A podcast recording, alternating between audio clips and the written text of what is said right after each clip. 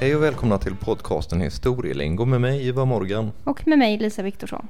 Och idag blir det ett tyngre avsnitt om två avskyvärda människor och deras kärlekshistoria. Det blir det. Och eh, vi ska prata om Eva Braun och hennes relation med Adolf Hitler.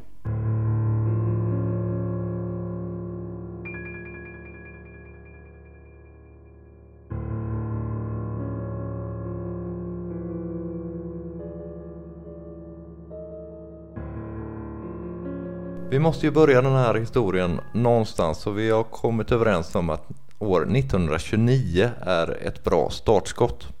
Det är det, för 1929 så arbetar Eva Braun i en fotoaffär i München. Mm. Heinrich Hoffmans fotoaffär. Och Heinrich Hoffman är en god vän till Adolf Hitler. Ja, han jobbade en hel del för eh, nazistpartiet också.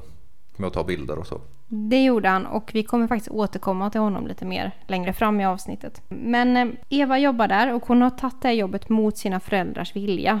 Mm. De vill att hon ska studera. Hon har tidigare gått i klosterskola och sådär.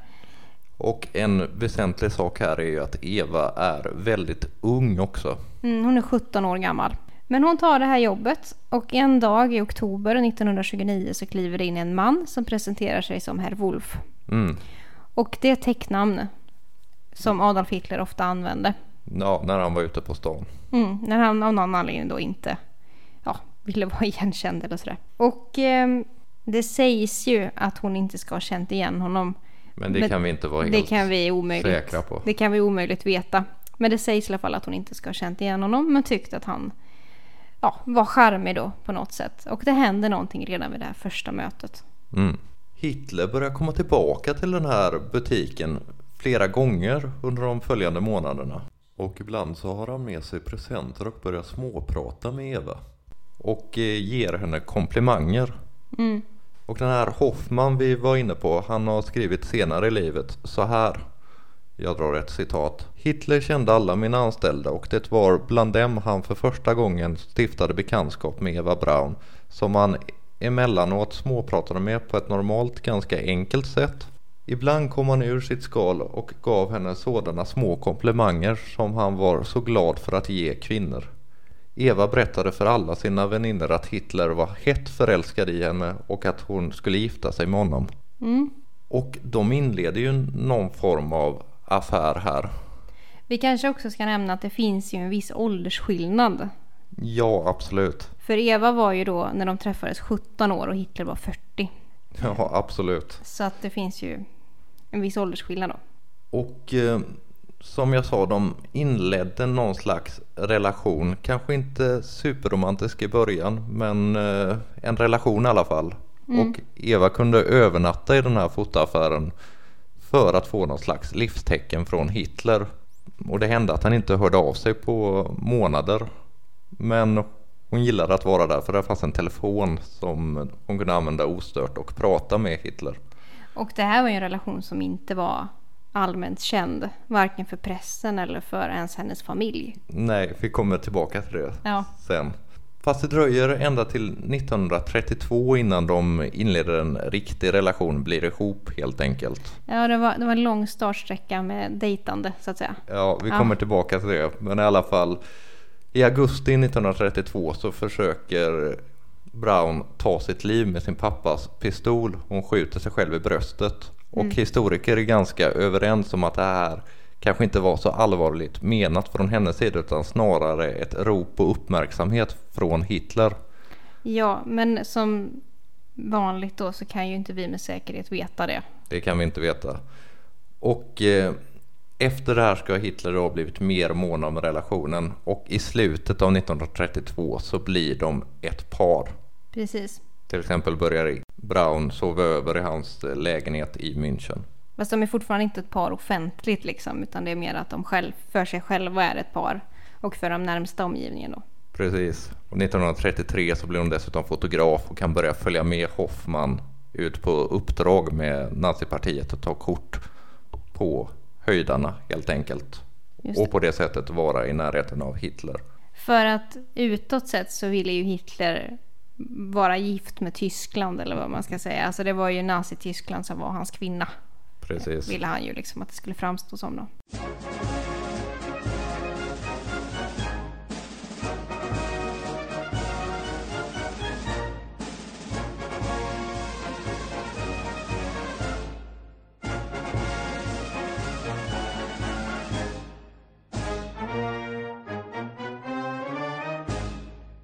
Vart var egentligen Hitler i karriären vid den här tidpunkten? Ja, alltså ha- han är ju ett ganska känt namn. Ja, ett mycket eh, känt namn. När de träffas. För partiet har ju grundats långt tidigare. Redan 1919 så grundas ju Nationalsocialistiska arbetarpartiet då, nazistpartiet. Och eh, 1920 så är ju, genomförs ju den så kallade ölkällarkuppen. Mm. Som vi pratar mer om i vårt nyårsavsnitt faktiskt. Som hette nyår, Årskrönika över 1920. Mm. Som man kan lyssna på om man vill. Och det var ju liksom ett, ett försök till statskupp. Ja, Som ju misslyckades. ja, och Hitler åker in i finkan. Precis. Skriver Mein Kampf och allt det där. Ja, precis. Och eh, 1921 så har han kommit ut igen och då blir han partiledare Mm. för NSDAP. Och 1925 så kommer ju då Mein Kampf ut på marknaden. Och eh, 1933 så kommer ju då Hitler till makten. Ja, Men eh, så att, så att hans karriär är ju i fullt liksom uppgående när han träffar Eva. ja, Och han var ju ett väldigt välkänt namn och ett välkänt ansikte. I Tyskland och egentligen har blivit, börjat blivit i hela Europa vid den här tiden. mm. Men privat då? Vad hade han för sig då? ja många obehagliga saker. Precis, det var ju till att börja med så, så det var ju, Eva Braun var ju inte ensam. Nej, Utan Hitler hade ju kvinnor liksom som avlöste varandra under livet. Så var det ju. Och eh, vi bör ju nämna någonting om hans systerdotter mm. som han hade en relation med. Men innan jag kommer in på det så kanske jag ska dra ett steg tillbaka ytterligare Mm. till Hitlers farfar. ja, precis. För det florerade rykten om incest kring Hitler egentligen under hela hans liv. Och som han ofta slog undan då och, och ja, avvisade. Men det man faktiskt vet är att Hitlers farfar hade ett ince- incestuöst förhållande med en av sina döttrar. Minst en av döttrarna. Det kan ha varit fler barn som råkade illa ut men en av döttrarna får faktiskt två barn ihop med sin egen far. Ja, Så han är alltså- vedervärdigt. Han är alltså både far och morfar till de här två barnen, en pojke och en flicka. Så att det finns incestproblematik i familjen Hitler. Precis. Så det är alltså Hitlers faster Som, blev han- utsatt, ja. Precis. Och det här är ett rykte som Hitler inte vill ska florera kring honom utan någonting som han och partiet liksom tar avstånd ifrån och inte vill Ja, ska... tystar ner helt Ja, enkelt. precis. De var ju duktiga på propaganda. Ja, säga vad man vill om dem, men propaganda var de duktiga på. Och det här var inte den typen av propaganda man ville skulle komma ut. Och därför kom det inte ut heller. Nej, men eh, det här var ju då, rörde ju då Hitlers farfar. Det fanns ju rykten då kring Hitler själv och den här systerdottern. Mm. Geli Raubal. Och eh, hon var ju 19 år yngre än Hitler. Mm. De, de lärde inte känna varann när Geli var barn. Utan först när Geli är 14 år så träffas de första gången. Just det. Men han ska då ha tvingat henne att kalla honom för onkel Alfie. Att det skulle vara liksom kärleksfullt, onkel Alfie skulle han Mm. kallas. Trots att hon då var 14 år gammal, lite, lite märkligt. Ja, det får man ju verkligen säga. Anledningen att den här kontakten togs upp då när Geli var 14 år var att hennes mamma Angela, tillika då Hitlers halvsyster, Mm. anställs eh, hos Hitler som hushållerska. Precis. Och eh, Angelas man gick bort när Geli var väldigt liten. Så hon är ensamstående med Geli då. Och Angela och Geli de får en lägenhet i München som är vägg i vägg med Hitlers lägenhet. Just det. Ganska tidigt så började det florera rykten kring att Hitler och Geli då ska ha en, ett förhållande. Och eh, det vet man väl inte så jättemycket om. Han ska ha varit väldigt kontrollerande och sådär velat bestämma över henne. Och eh, det ska även ha varit svartsjuka involverat då eftersom att han ju träffade Eva samtidigt. Mm. Men som sagt, man vet ju inte exakt vilken relation de hade, om de hade en sexuell relation eller inte. Men man vet att de levde ihop. Ja, och det finns väl ganska mycket som talar för en sexuell relation Ja, där också. absolut. De hade ett förhållande på något sätt i alla fall. Och som jag sa så bodde ju Angela och Geli i en egen lägenhet. Men eh, 1929 så flyttar Angela Mm. till ett sommarhus och eh, då flyttar Geli in till Hitler. Så då delar de bostad. Och det är alltså samma år som Hitler träffar Eva. Mm. Så det, allt det här är ju som ni vet, märker ganska sjukt. Verkligen. Och ehm, så, så man, man vet inte liksom exakt vad de hade för relation men de hade någon form av förhållande i alla fall. Och det är alltså då morbror och systerdotter. Precis. Geli mådde inte sådär jättebra Nej. i den här relationen vilket man kanske kan förstå. Och eh, det resulterar i ett självmord Mm. i september 1931. Och eh, man vet väl inte exakt bakgrunden till självmordet men det ska ha funnits mycket svartsjuka och rivalitet mellan eh, Geli och Eva. Mm. Och kvällen innan man hittar Geli död då så ska det ha varit ett, ja, ett sjuhelsikes bråk helt enkelt i Hitlers lägenhet. Där han ska ha stormat ut då i vredesmod. Och hon sköt sig med hans pistol i sovrummet. Ja, ett annat motiv som vissa för fram är att hon skulle varit förälskad i Hitlers chaufför. Mm. Men att Hitler då hade blivit eh, vansinnig över det här. Ja. Men det är som sagt, vi vet ju inte. Vi vet inte, det kan finnas mängder av orsaker till det. Men eh, det är klart att man, när man hittar henne död i lägenheten så blir det misstankar emot Hitler ganska omgående för att det har Självklart. varit det har liksom varit det här bråket. Och inte bara det. Hon eh, har blivit skjuten med en pistol och hon har den i handen. Mm. Men det är inte de enda skadorna som finns. Utan hon, det är tydliga misshandlingstecken. Hon har knäckt näsa bland annat. Ehm, så att hon har uppenbarligen blivit misshandlad innan hon sköt sig då. Obehagligt. Väldigt obehagligt. Och ehm, det är nu vi kommer tillbaka till fotografen Hoffman igen. Mm, För att det är han som blir Hitlers alibi. Han hävdar att de ska ha åkt i Hitlers Mercedes tillsammans under den här natten då. Mm. Och ehm, det som faktiskt finns som bevis för att Hitler inte sköt henne det är att det finns fort, fortkörningsböter. Ja, okej. För att han körde faktiskt för fort och åkte fast den här aktuella tidpunkten då. Så att de här böterna är Hitlers liksom Alibi. alibi. Men det här är någonting, misshandeln och alltihopa, det blir väldigt mycket rykten. Både liksom om incest och om eh, misshandel och om eventuellt mord och sådana saker. Men det här är något som tystas ner Ja, av det partiet. stora propagandamaskineriet sätts igång liksom. Definitivt. Och Hitler själv börjar jobba som en tok efter Mm. ett tag. Eh, med att liksom propagera och jobba för partiet och sådär. Så det här är en väldigt obehaglig historia. Mm. Så, så det är väl där som Hitler befinner sig när han träffar Eva. Han har två kvinnor samtidigt och eh, ja, karriärsmässigt är han på uppgående. Ja. Men du har kikat lite mer på Evas liv. Ja, lite grann i alla fall. Hitler. En kort presentation. Hon föddes i München 1912 och var dotter till en eh, lärare. Och eh, hennes mamma var hemmafru men hade varit sömmerska. Och det var ett väldigt strängt katolskt hem som hon växte upp i tillsammans med två systrar, Ilse och Gretel. Mm. Och som du sa så var hon ju 17 år när hon började jobba hos eh, Heinrich Hoffmann. Och eh, hon bodde 1932 tillsammans med eh, sin syster Gretel i en lägenhet. Och eh, hon drömde väldigt mycket om att bli skådespelerska.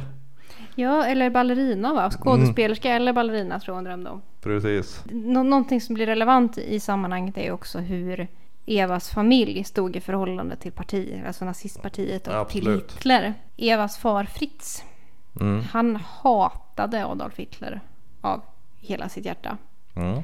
Förståndigt av honom. Och ehm, han visste inte om den här relationen förrän efter ungefär sex år, när de har träffats i sex, ungefär sex år. Så får Fritz reda på det här och han blir helt förkrossad Mm. över att hans dotter har en relation med Hitler. Den aktuella dagen när han får reda på det här så ser han upp sig från sitt jobb i skolan och i avskedsansökan så står det något i stil med Jag har misslyckats med att eh, uppfostra mitt eget barn så jag kan inte uppfostra andras. Han skäms, han eh, vill till varje pris få tillbaka Eva liksom, till familjen. Och han skriver ett brev till Hitler Mhm. som Hitler aldrig förmodligen har läst för att det hittade man senare i Hoffmans eh, Ja, alltid den där skrivbord. Hoffman i ja, detta så att avsnitt. förmodligen är det han som har lagt beslag på det här brevet. Men i det här brevet så vädjar Fritz eh, till Hitler. Inte speciellt vördnadsmässigt. Oftast så titulerades ju fyren med väldigt mycket Ja, Eh, ja som rysch, just fyror. ja, och rysch, ryschpysch.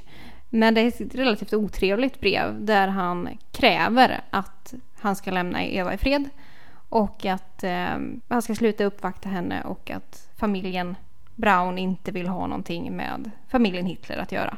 Mm. Men som sagt, det här brevet har förmodligen inte lästs varken av Eva eller av eh, Adolf. Hitler.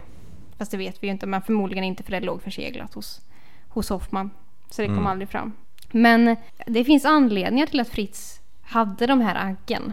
Mhm. Och det var för att familjen Brown umgicks väldigt mycket i judiska kretsar, hade flera väldigt nära vänskapsrelationer med judiska familjer.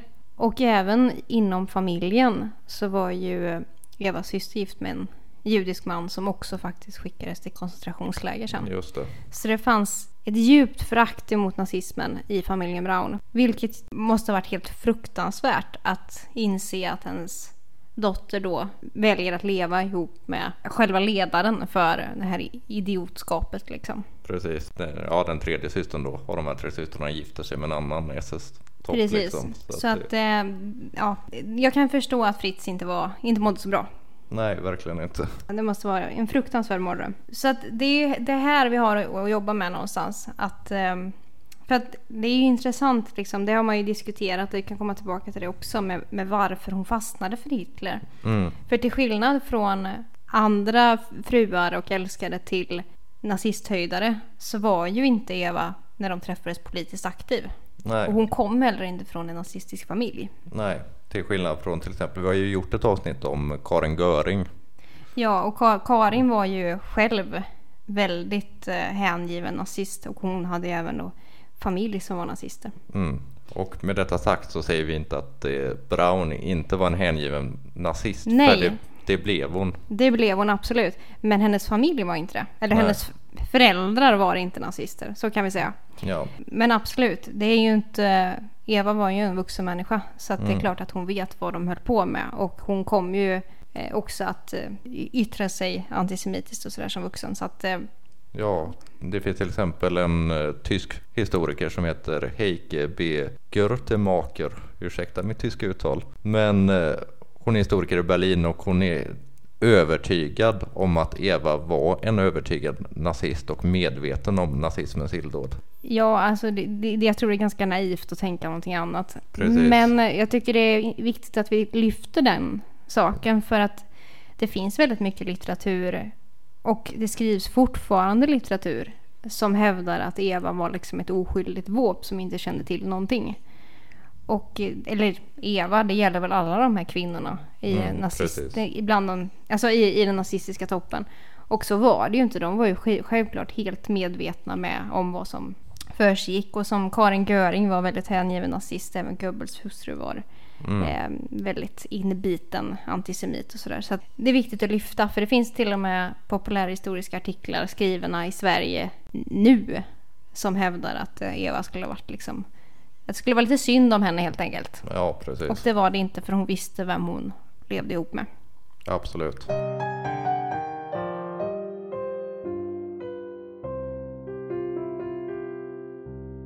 Men som vi sa, år 1932 så blev de ett par.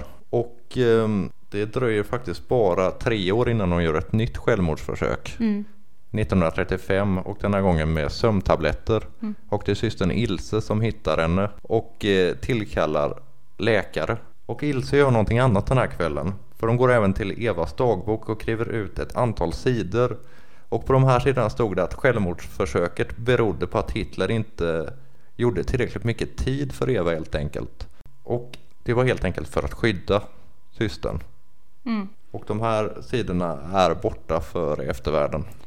Ja, alltså det var nog inte okej att ens Eva pratade liksom illa om, om Hitler. Nej, Och, men deras relation verkar ha varit ganska mycket så att eh, Braun blev väldigt uppåt när de fick vara med Hitler. Men gick ner i något slags mörker varenda gång han var borta. Och han var ju borta mycket. Ja, och det är väl det här mönstret är väl ganska signifikant för destruktiva förhållanden överlag. Ja, absolut. Så är det ju. Under en stor del av sitt förhållande så bodde ju de inte tillsammans, Braun och Hitler.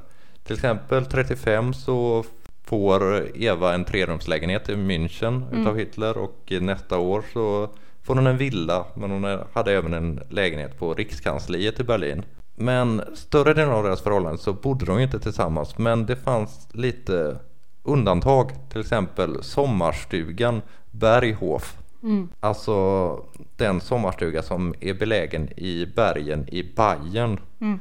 På tusen meters höjd. Och eh, det här Berghof fungerar ju som Nazitysklands andra regeringshögkvarter förutom i Berlin. För det blev som en liten koloni där uppe. Hermann Göring hade sommarstuga där och även Albert Speer och många andra toppar inom partiet. Och det ligger ju då 2,5 kilometer från det kanske ännu mer berömda Örnästet. Mm.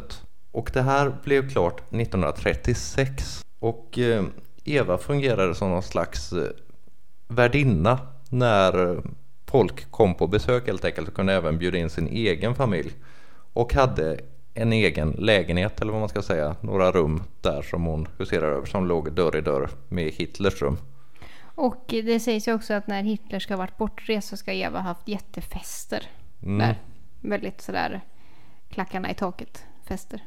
Ja, för Hitler brukade avsluta sina kvällar när han var där uppe på Berghof med att eh, samtala med Braun inne på sitt kontor samtidigt som han drack te och hon drack vin för Hitler var ju nykterist. Mm. Berghof fungerade lite grann som en fristad för paret Braun-Hitler på grund av att de syntes aldrig i offentligheten tillsammans och som vi har varit inne på lite grann och hintat om så var Braun någon slags hemlighet. Hon drömde ju som ung om att bli känd skådespelerska eller ballerina, liksom att, mm. att bli en igenkänd figur. Och det blev hon ju också, men inte förrän efter sin död, för att hon var ju hemlig. Precis. Och det fanns en, en, liksom en tyst överenskommelse emellan Hitler och tyska, den tyska pressen. Att man fick inte publicera bilder på Eva. Nej, precis. De, eh, det var ju bara liksom topparna inom partiet, den innersta kretsen som egentligen kände till att hon fanns och så såklart eh, serveringspersonal och sånt. Men det var en hemlighet. Ja, som sagt, hennes egen familj. Det tog sex år innan de fick nys om det. Så att, eh, ja. Och man kan ju fråga sig varför Eva skulle vara så hemlig för det tyska folket. Ja, det var ju lite inne på tidigare också och det har ju med propagandaapparaten att göra. Ja, och den nazistiska ideologin också. För nazismen i sin kärna är ju en väldigt patriarkal och misogyn ideologi bland mm. mycket andra grejer. Ja, det är ju en helt egen ideologi. Ja, och män anses vara någon slags krigare och kvinnor ska vara hemmafruar. Och Hitler byggde någon slags myt om sig själv som en kysk hjälte. Och han menade att han hade någon slags sexapil på det tredje rikets kvinnor. Ja. Och att det var ett politiskt vapen att han var ungkar. Ja. Någonting att tråna efter.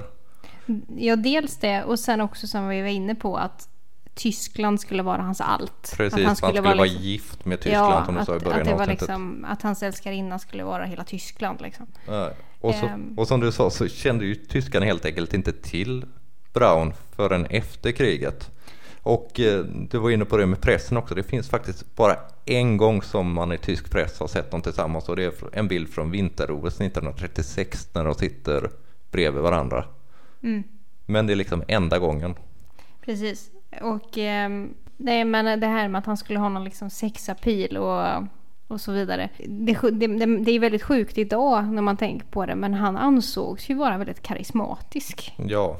Eh, vilket med dagens glasögon är helt obegripligt om man liksom tittar på tal och sådär och Hitler och tänker att det skulle vara något attraktivt eller sådär. Men, men det var i, i sin samtid så, så ansågs han vara liksom ja men charmig. Ja.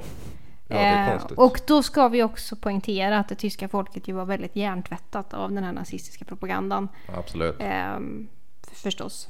Men Eva fortsätter att arbeta som fotograf. Mm. Inte sällan så tar hon foton på partitopparna och säljer dem dyrt till Hoffman.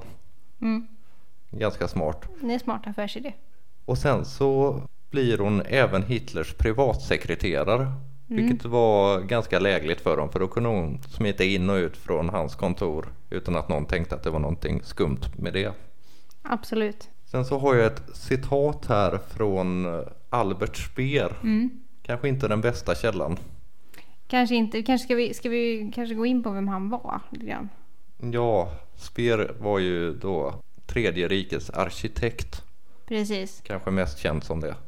Men även en övertygad nazist och en av de absoluta topparna inom partiet. Ja, och en av de liksom drivande i förintelseprocessen också ska vi Mm. väl tillägga. Så det är ingen, ingen duvunge.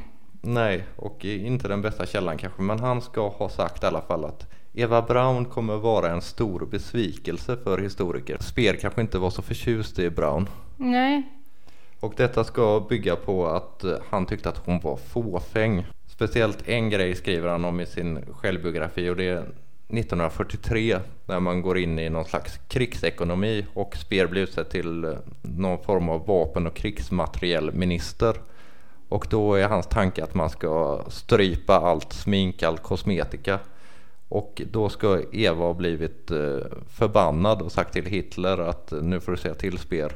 Och Hitler hade kommit då till Speer och sagt att ja vi kan väl dra ner på det men vi behöver inte ha bannlysare helt. ja, det, det är också en väldigt märklig grej om det nu stämmer då att liksom bli förbannad över kosmetika med tanke på hur situationen såg ut i Tyskland och hur mycket livsmedel som faktiskt fattades. Mm. Ett exempel på livsmedel, det här att livsmedel och import och så var ett problem under andra världskriget. Det har ju vi pratat om i tidigare avsnitt. Det har vi gjort i eh, avsnittet om Fanta. Ja, för det är ju faktiskt Fanta är ju en produkt av... eh, Det tredje nå- riket. Ja, det är det. Och eh, eh, vi pratade om Fantans historia i ett avsnitt för eh, ja, några månader sedan. Det finns, finns att lyssna på för den som är intresserad. Så att det, det, det var ju väldigt problem med, med liksom livsmedel och förnödenheter och, och så vidare. Det var ju liksom ett krigshärjat land framför allt. Och sen liksom att det skulle bli bråk om... I, i, i partitoppen skulle det bli bråk om, om smink. Det är lite... Ja, som så mycket i det här så är det ganska sjukt. Ja, och det här kanske är det minst sjuka. Ja, definitivt. Men vi kanske ska gå in på krigsslutet. Det kan vi göra.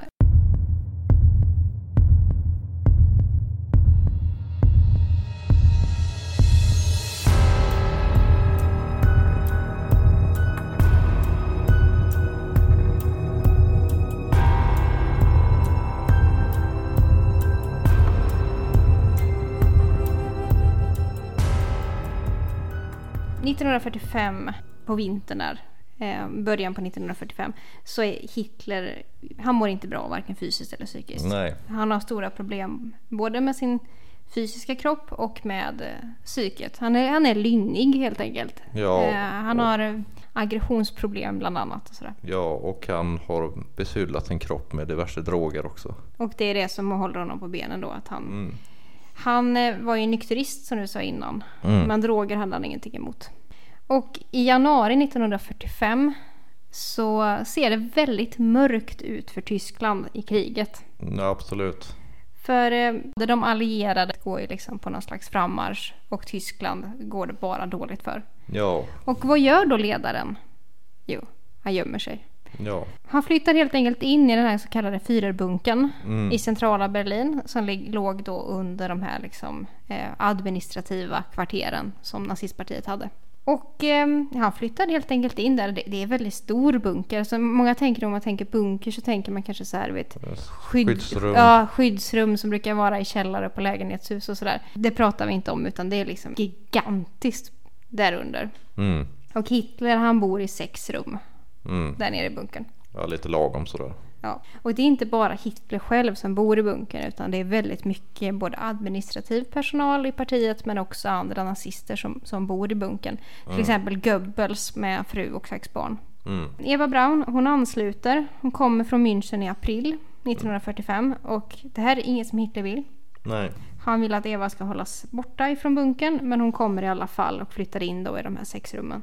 Ja, det var många som ville att hon skulle gömma sig där uppe i sommarstugan men det ville hon inte utan hon ville vara tillsammans med Hitler. För någonstans var det lite underförstått att alla de här nazisterna som flyttade in i bunkern, alltså man kom ju inte ut därifrån sen. igen. Nej, Och eh, bland annat då som jag sa, Goebbels hade sex barn som jag aldrig mer såg dagsljus efter att de flyttade ner i bunkern. Men som sagt, i kriget så det går åt fanders för Tyskland helt enkelt. Mm. Och eh, Hitler han börjar bli apatisk. Han har ett extremt humör. Ja, det Han- har han i och för sig alltid haft. Men Ja, det är ännu värre Det, nu. det är, han är en levande krutdurk liksom. Mm. Och den 23 april så har han ett möte återigen med Albert Speer.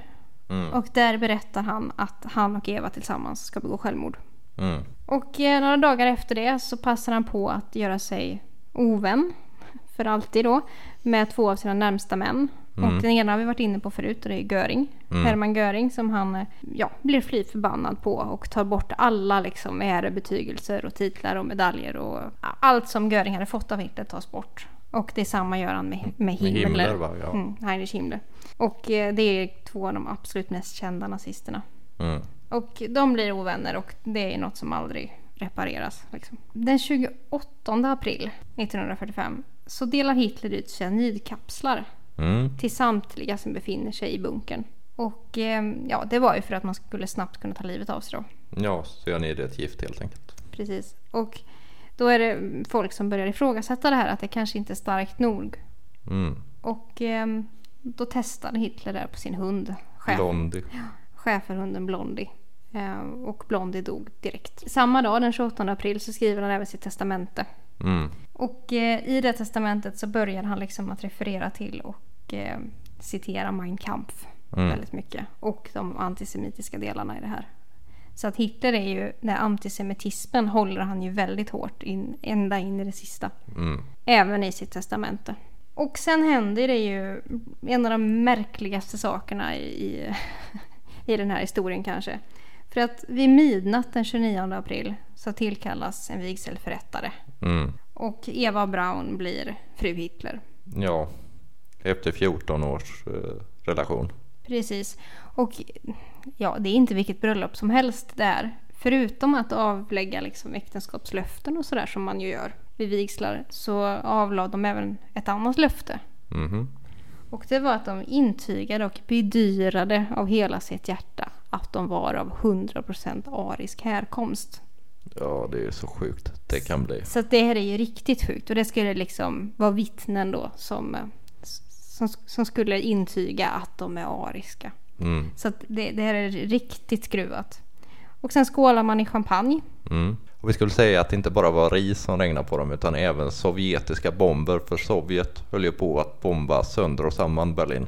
Precis, Tyskland är ju, alltså kapitulationen är ju väldigt nära anstående och det är ju det som de här höjdarna vet om och eh, Mm. så. Ja. Och vi, vi kan också säga att det är mycket med det här bröllopet som inte är som ett vanligt bröllop. Eh, Eva hade ju heller ingen vit brudklänning på sig utan hon gick ju klädd i svart.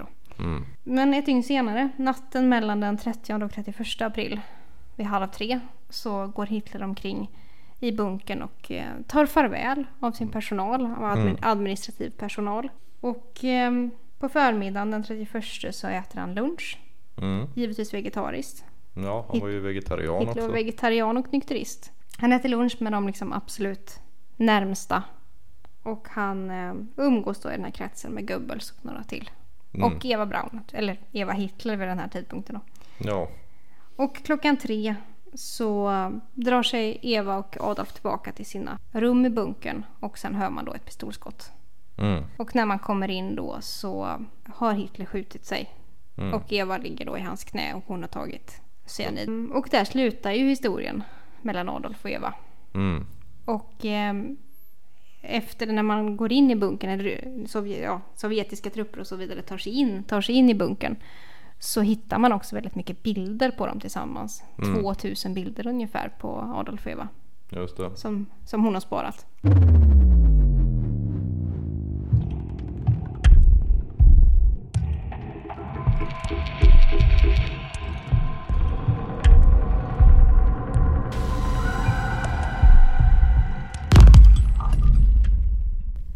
Det är ju väldigt, väldigt brutal historia på alla sätt det här som vi har pratat om idag. Men det är väldigt viktigt att man kan prata om det här också för att det är ju så vi lär oss av historien. Absolut. Och vi har ju gjort avsnitt om nazister tidigare. Mm, vi har gjort ett om eh, Vidkun Quisling och ett då om Karin Göring som vi har nämnt tidigare. Precis. Men som ni märker så måste man ju ibland prata om avskyvärda människor också. Precis, för historien är ju inte ljus och glad och eh, snäll och trevlig utan historien är på många sätt eh, motsatsen. Ja, ofta fylld med kaos Och, och eh, mycket ondska. det är ju det vi också lär oss av. Mm. Att det som hände under andra världskriget får inte hända igen. Nej, Och en karaktär som Hitler får inte, ska inte kunna få, få någon makt igen. Nej men en sån här sak som eh, är ganska bra om man- vi ska prata om bunkern är ju att det har ju inte blivit någon vallfärdsplats för nazister för att man har ju valt att förstöra större delar av den. Det finns lite lite kvar fortfarande men Man har ju då i, i, i modern tid gjort en parkeringsplats. ja och i närheten ligger också det här förintelsemonumentet. Precis. Det där pratade vi ju lite om i avsnittet om Karin Göring. Mm. Där hennes grav blev en vallfärdsort. Mm. Som man, man flyttade runt den och, och sådär. För att det där är ju ett problem för att nazismen dog inte med Hitler. Nej, Den finns ju kvar fortfarande idag och är ett stort problem.